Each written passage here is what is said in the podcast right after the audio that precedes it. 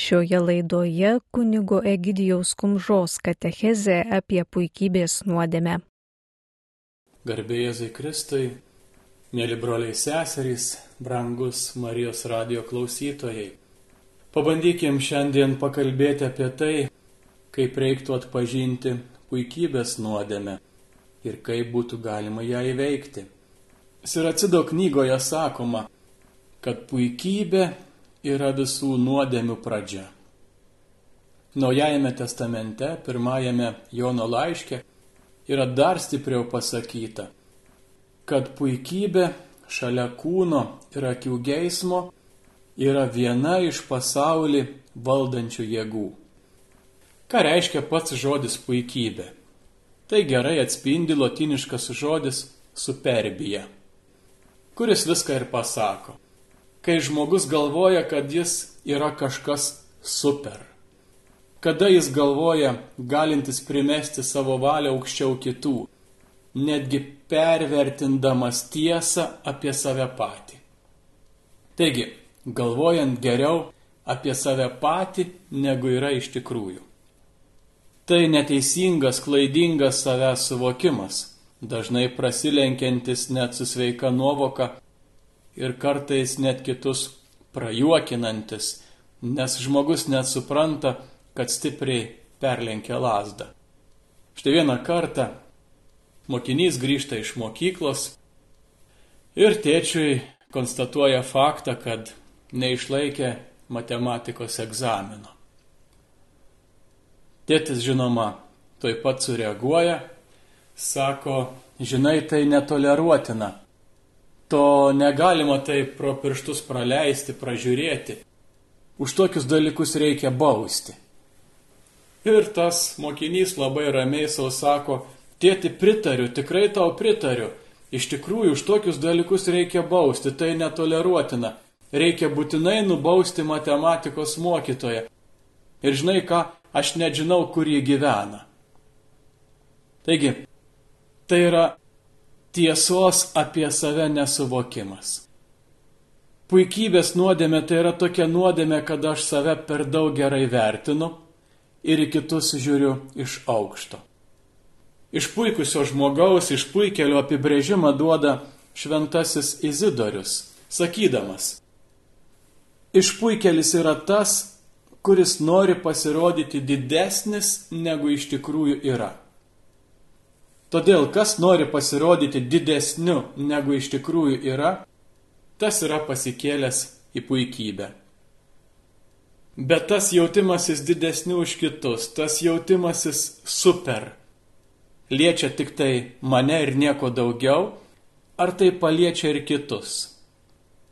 Pažiūrėkim. Neveltui puikybė vadinama visų blogybių pradžia. Aš ir kiti.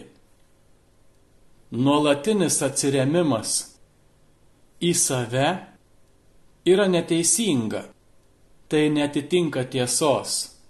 Aš, aš, aš, man, mano, aš.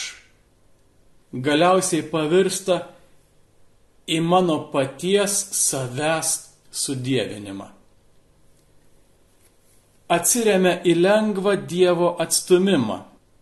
To žinoma, niekas nedeklaruoja garsiai ir viešai, nes galbūt yra einama į bažnyčią, bet iš tikro aš pats savo esu Dievas. Pirmas dalykas, kas įvyksta, tai kad puikybėje esantis žmogus turi neteisingą, klaidingą ryšį su Dievu. Antra, tuo pat metu tas daugiau ar mažiau per didelis savęs vertinimas baigėsi tuo, kad pakeičia mūsų teisingą ryšį ir su kitais. Aš viršesnis, tad reiškia, kad kiti yra mažesniai. Aš didesnis, pasikėlęs į puikybę, reiškia kiti yra mažesnės vertės. Ir taip yra prieinama prie kritikavimo, teisimo, išskirtinumo, žalojant teisingus socialinius ryšius. Pasikėlę į puikybę žmonės niekada nesutars. Pažiūrėkime du aspektus - liečiančius ryšį su Dievu ir ryšį su kitais. Pirmiausia, puikybėje esantis žmogus pasidaro, sakykim, Dievu. Jo ryšys su Dievu yra neteisingas. Pabandykime suprasti.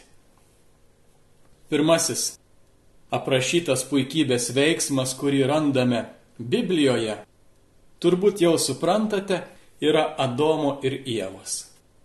Jie nesutinka su Dievo sukurta tvarka ir pasiduoda angies pasiūlymui, kuris sako, pasidarysite kaip Dievas.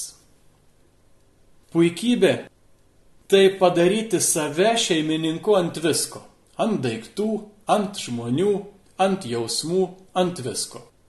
Aš esu šeimininkas. Puikybė uždeda savo firminį ženklą dominuoti ir valdyti.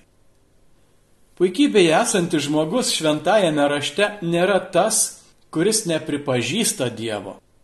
Kitaip mūsų tarpe nebūtų tokių žmonių, kurie yra pasikėlę į puikybę, bet eina į bažnyčią puikybėje esantis žmogus nėra tas, kuris nepripažįsta Dievo kaip viešpaties virš visko ir virš visų, bet tas, kuris užima jo vietą, pasidarydamas pats aukščiau visko ir visų. Tokiu būdu pasidarydamas iš tikrųjų kaip Dievas. Štai ir iškreiptas Dievo įvaizdis. Nes Dievas yra viešpats ne pats savo, bet tam, kad būtų dovana kitam, kad būtų dovana visiems. Pirmiausia, Dievas yra virš visų ir visko tam, kad skleistų gėri. O puikybėje esantis žmogus pasidaro viršesniu virš visko ir visų tam, kad pasiektų tik tai gėrio savo. Puikybė yra ir savo kilmės neigimas, ieškojimas pakeisti dievišką kilmę. Su laiku pasidaro gyvenimo stiliumi, beveik antra prigimtimi, kurioje pradingsta netgi nuodėmės jausmas ir tikima, kad visi paties padaromi veiksmai yra teisingi. Tai yra tipiška, kurie sako, Aš visada viską darau teisingai, aš visada teisingai elgiausi. Tai yra fariziejaus laikysena. Prisimenate fariziejų ir muitininką šventykloje. Fariziejus tiesiog sudaro gerų darbų sąrašą.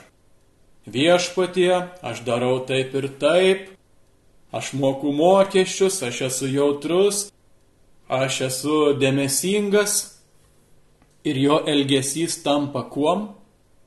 Metru išmatuoti kitus.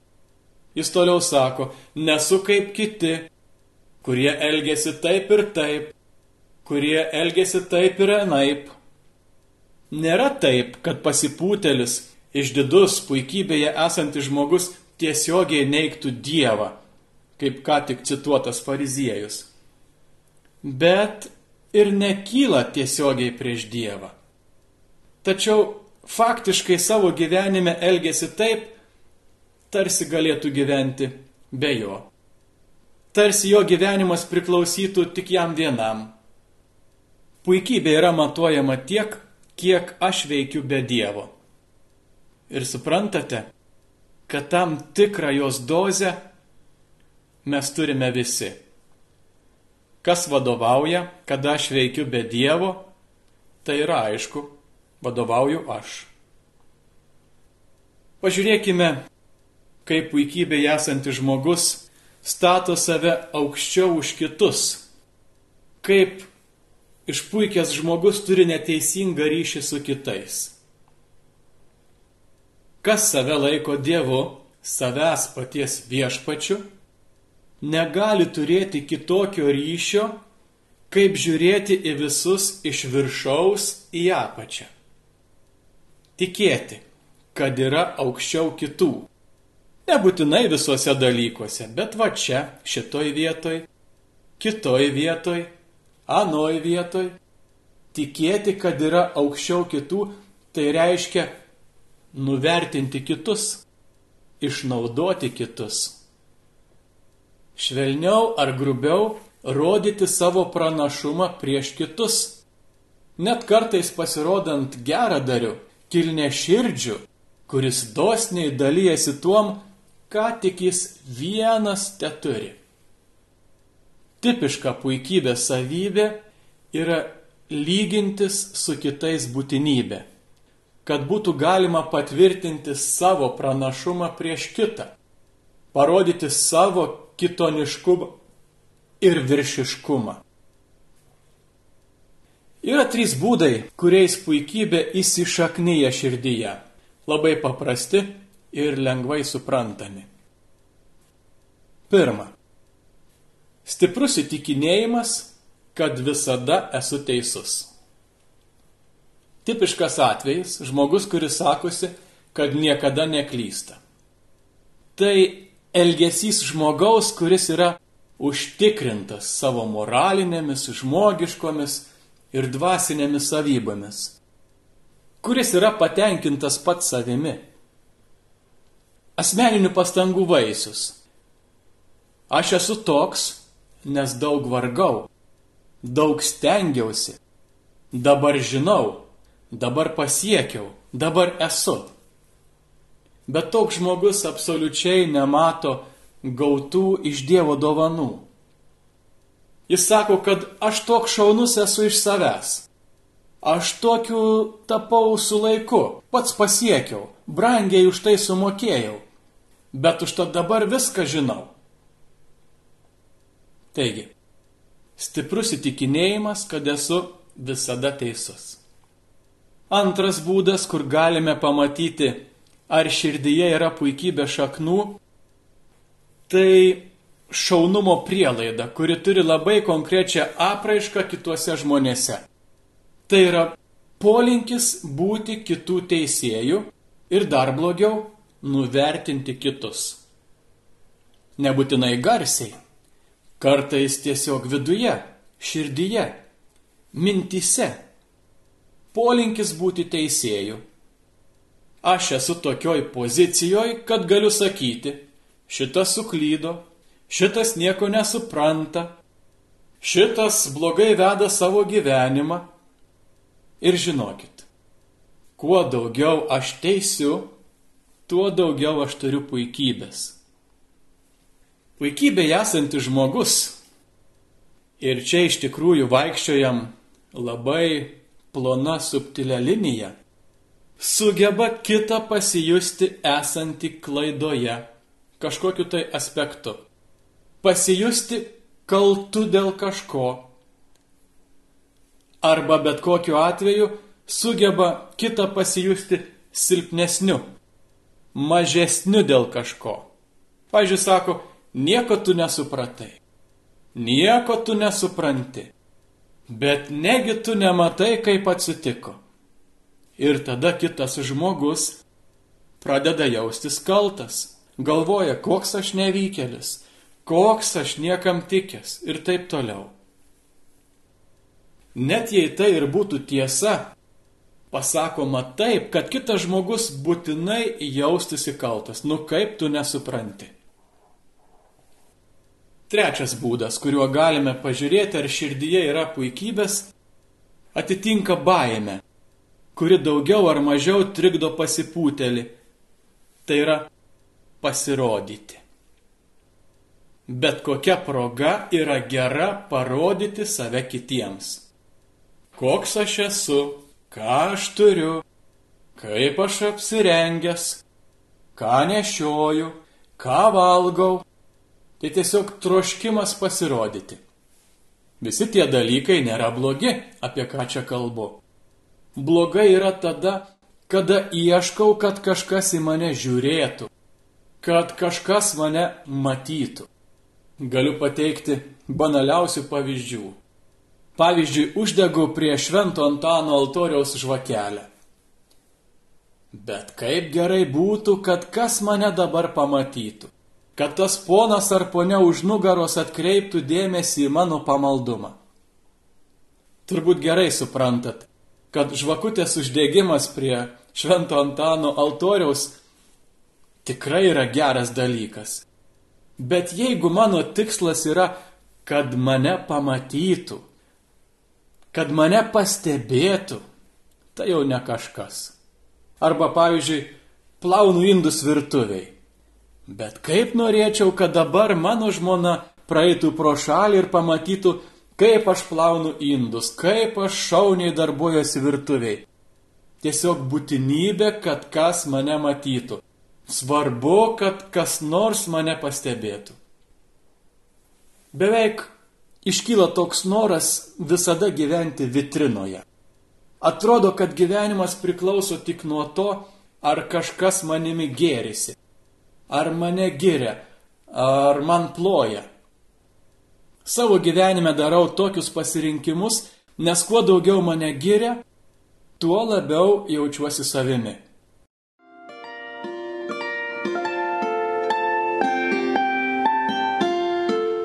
Jūs girdite Marijos radiją.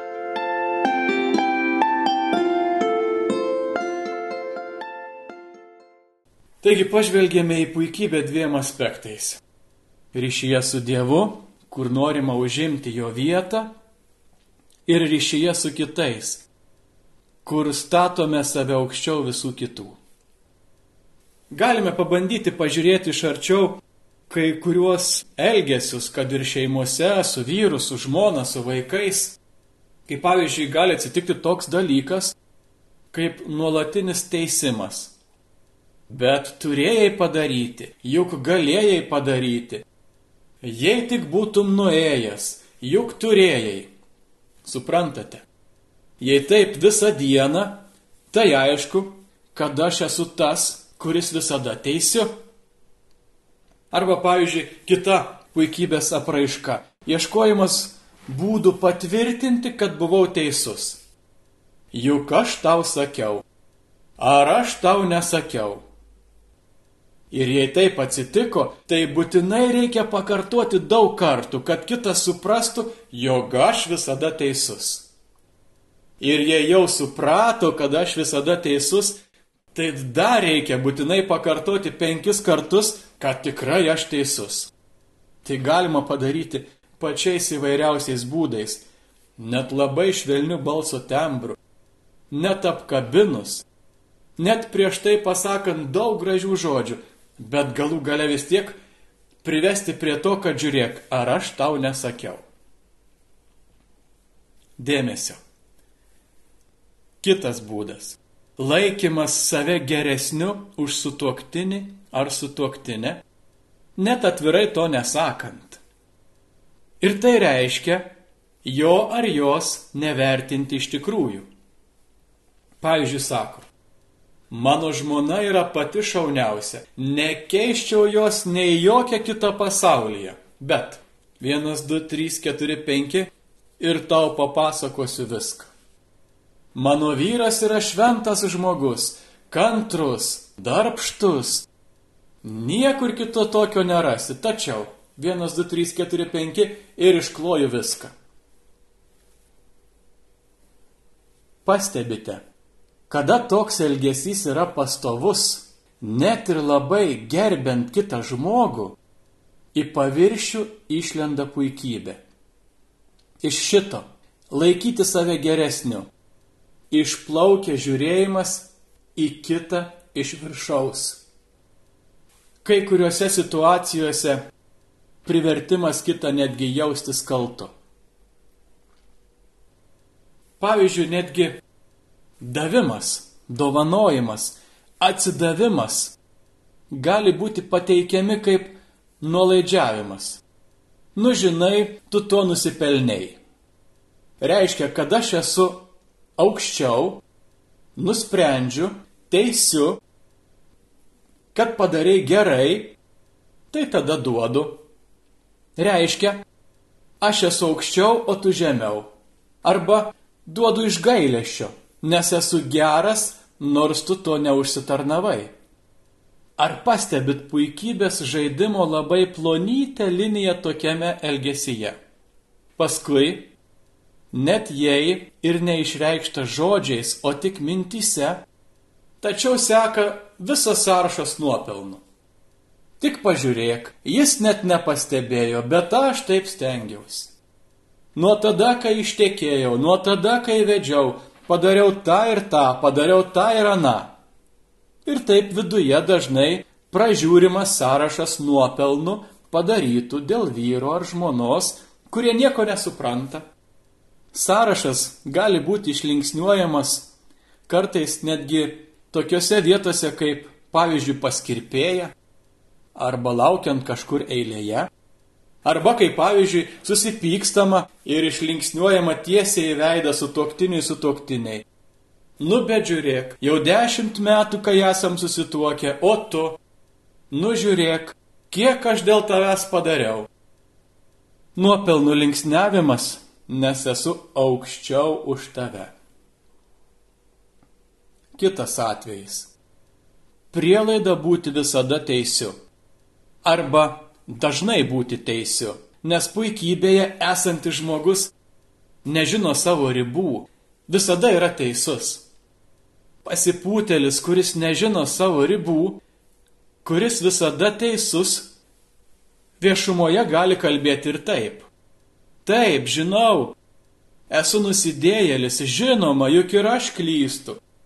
Jokių abejonių negali būti, klystu ir aš. Tačiau pasakyk man, kur suklydai, bent kartą šeimoje, su savo vyru, su savo žmona. Ir prasideda. Nu nežinau, neprisimenu, negaliu pasakyti.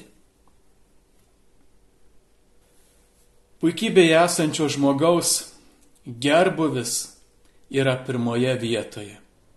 Nes viską pasidariau savo jėgomis. Viską pasiekiau savo jėgomis pasipūtęs žmogus turi neteisingą meilę savo. Neišsigaskite, mėly klausytojai, būkite stiprus. Suprantu, kad tai, ką kalbu, kiekvienas lengvai gali savo prisitaikyti.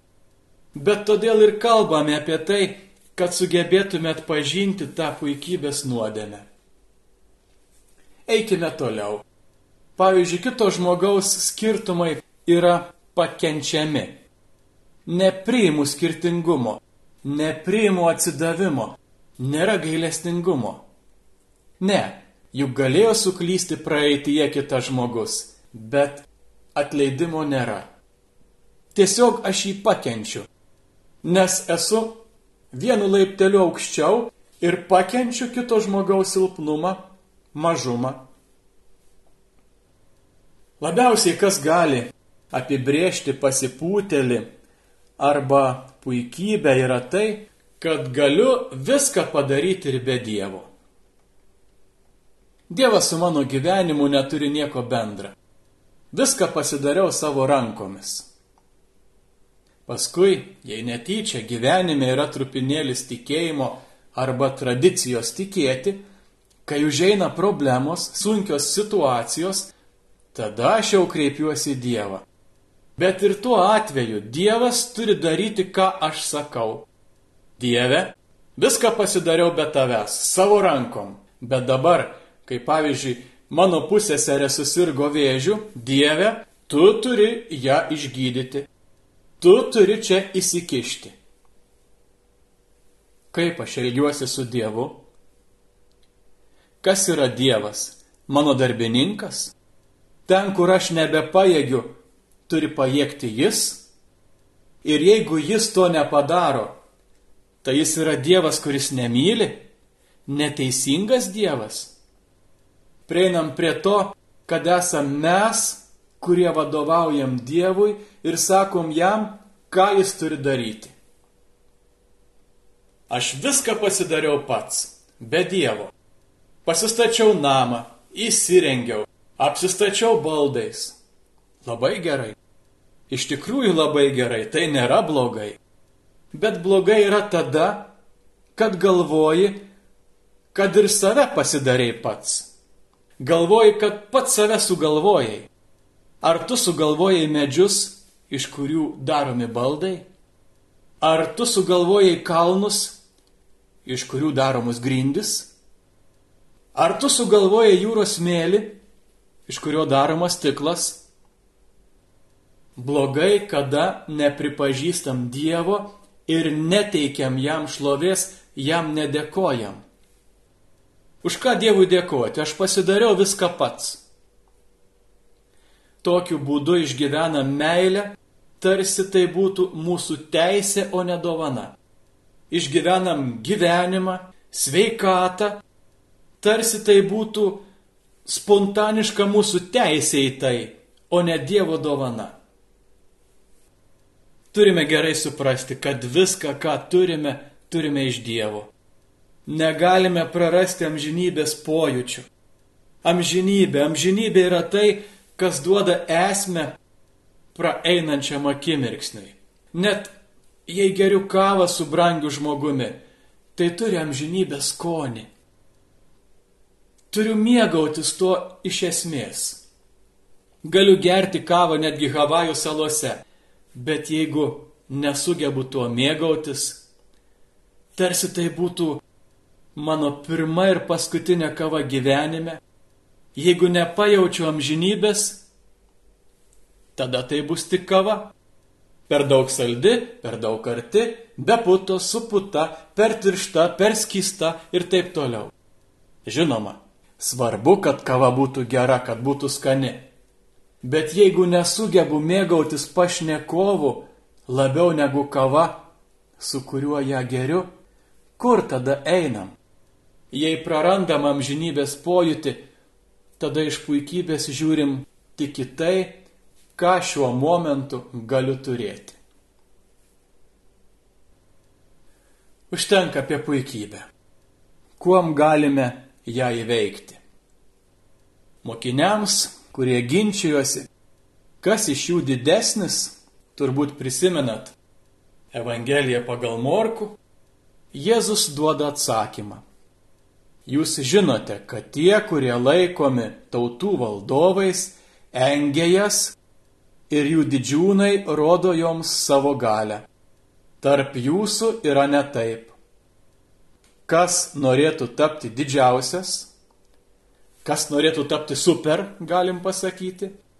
Kas norėtų tapti didžiausias iš jūsų, te bus jūsų tarnas. Ir kas panorėtų būti pirmas tarp jūsų, te bus visų vergas. Juk ir žmogaus sunus atėjo ne kad jam tarnautų, bet pats tarnauti ir savo gyvybės atiduoti kaip išpirkos už daugelį. Morkaus Evangelija 10 skyrius 42-45 eilutės. Tai yra raktas, tai yra raktas į supratimą. Jėzus neneigia, neprieštarauja mūsų troškimui tapti dideliais, pasidaryti super, bet parodo to super autentiškumą, krypti, kad viskas išsipildytų teisingai. Jėzus pats tampa pavyzdžių, kaip tapti dideliais. Skaitome švento apaštalo Pauliaus laiškė filipiečiams. Jis, turėdamas Dievo prigimti, godžiai nesilaikė savo lygybę su Dievu, bet apiplėšė pat save, priimdamas tarno išvaizdą ir tapdamas panašus į žmonės. Jis ir išorė tapo kaip visi žmonės, Jis nusižemino, tapdamas klusnus iki mirties, iki kryžiaus mirties.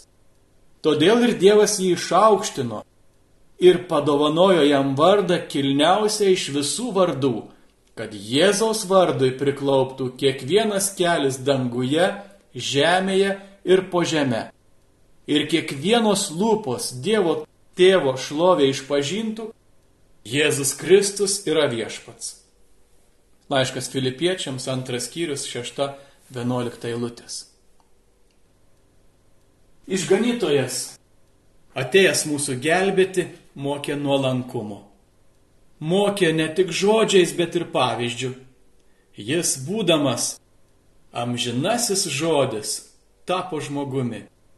Gimė ne karališkuose rūmuose, bet Betlėjaus laukų oloje.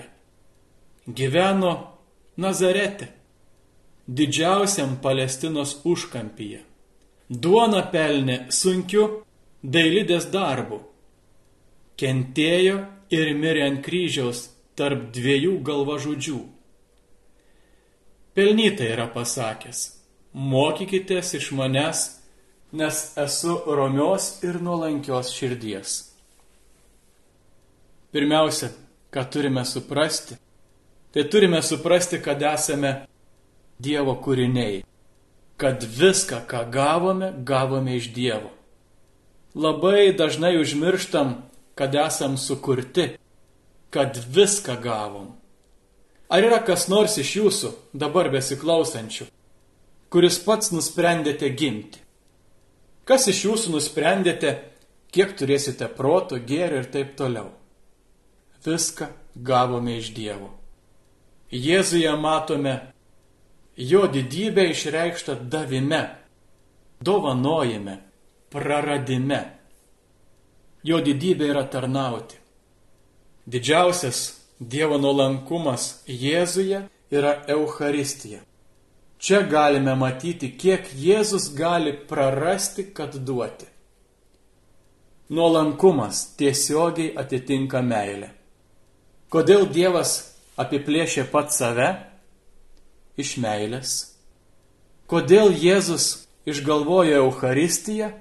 Iš meilės. Kas turi aukti? Meilė. Tiek, kiek augame meilėje, tiek augame ir nuolankume. Tada neauga puikybė. Puikybė yra tai, kas sako ne meiliai. Todėl Jėzus sako, mokykitės iš manęs, esu romios ir nuolankios širdies. Aukti nuolankume atitinka aukti meilėje ir atvirkščiai. Myli daugiau tas, kas daugiau praranda. Myli daugiau tas, kas yra nuolankesnis. Myli mažiau tas, kas yra pasipūtęs. Apaštalas Paulius laiškė romiečiams sako, nuoširdžiai mylėkite vieni kitus brolišką meilę. Lenktyniaukite tarpusavio pagarbą. Laiškas romiečiams 12 skyrius 10 eilutė. Lenktyniaukite tarpusavio pagarbą. Laiškė filipiečiams rašo, tegul nelieka vietos vaidams ar tuščiai puikybei, bet vienas kitą laikykite aukštesniu už save. Taigi, brangiai, mes turim lenktyniauti tarpusavio pagarbą. Aš turiu matyti pagarbą kitame žmoguje. Aš turiu kitą žmogų laikyti aukštesniu už save. Tada manyje skleisis meilė, tada manyje pasireikš nuolankumas. Tad jei puikybė yra visų nuodėmių pradžia, tada žinome, kas apima visas darybės. Tai yra meilė. Jei puikybė yra visų nuodėmių pradžia, tai meilė yra pradžia visų darybių. Prangiai, juk iš tikrųjų dažniausiai ką mes matome kituose ir ką kituose teisėme, kritikuojame, apkalbame, vertiname, juk yra mūsų pačių silpnybės, niekas kitas. Turim išmokti nuolankumo, turim išmokti matyti kituose gėrį. Vienas meno profesorius savo studentus nusivedė į meno galeriją. Ir štai jis eina su jais, prieina prie vieno paveikslo ir išdidžiai kritikuoja. Žiūrėkite, kokios čia spalvos negražios, kokie čia tonusai nereikalingi, kokios proporcijos netinkamos. Prieina prie kito paveikslo Ir vėl ta pati kritika. Žiūrėkite, spalvų gamos per tamsios, neišlaikyta simetrija. Ir tas negerai, ir tas negerai. Prieina prie žmogaus atvaizdo visų ūgių ir pradeda sakyti, žiūrėkite, koks neproporcingas veidas, koks mažas veidas ir kokios didelės ausis. Žiūrėkite, koks neskoningas švarkas. Vienas studentas pertraukė ir sako, profesoriau, profesoriau, čiagi ne paveikslas, čia veidrodis. Brangiai dažniausiai kituose matome tą blogį, kurį nešiojam patys savyje. Turim išmokti nusižeminti. Turim išmokti nuolankumo. Ir kaip šventasis Augustinas sako, jeigu tu matai kažkokią tai silpnybę, įdą savo brolyje ar sesėje, tai brangus, panaikink tą įdą savyje. Ir kaip panaikinsi savyje, pamatysi, kad ir brolyje ar sesėje jos nebeliko. Šventasis Augustinas jaunystėje klaidžiojas klystkeliais, o vėliau tapęs netgi vyskupu, tapęs šventuoju mus moko. Nusižeminęs nusidėjėlis yra Dievui meilesnis negu iš puikybės pasipūtęs teisingasis. Ta minti jis pratęsė sakydamas, puikybė angelus pavertė demonais, ginuolankumas žmonės padaro angelais. Kita proga jis sako, jei norite būti dideli, tai pradėkite nuo nuolankumo. Prašykime švenčiausiasios mergelės Marijos užtarimo, kad ji mus mokytų eiti prie Dievo, kad ji mus mokytų nuolankumo, nes ji buvo ta nuolankioji tarnaitė, kuri viską priemė iš Dievo kuris suprato, kad viskas, kas yra, yra tik tai iš Dievo, kad tai yra viskas Dievo dovanota, Dievo dovana. Brangieji, išlikime meilėje, išlikime nuolankume ir kovokime, kovokime su bet kokiom puikybės apraiškom. Kaip matome, jų yra labai daug. Kaip matome, puikybė gali labai įmantriai ir gerai pasislėpti. Bet jeigu išmoksime būti nuolankiais, išmoksime mylėti taip, kaip Jėzus mylėjo, tada, brangieji, viskas išeis į gerą. Garbė Jėzui Kristui. Kalbėjo kunigas Egidijus Kumža.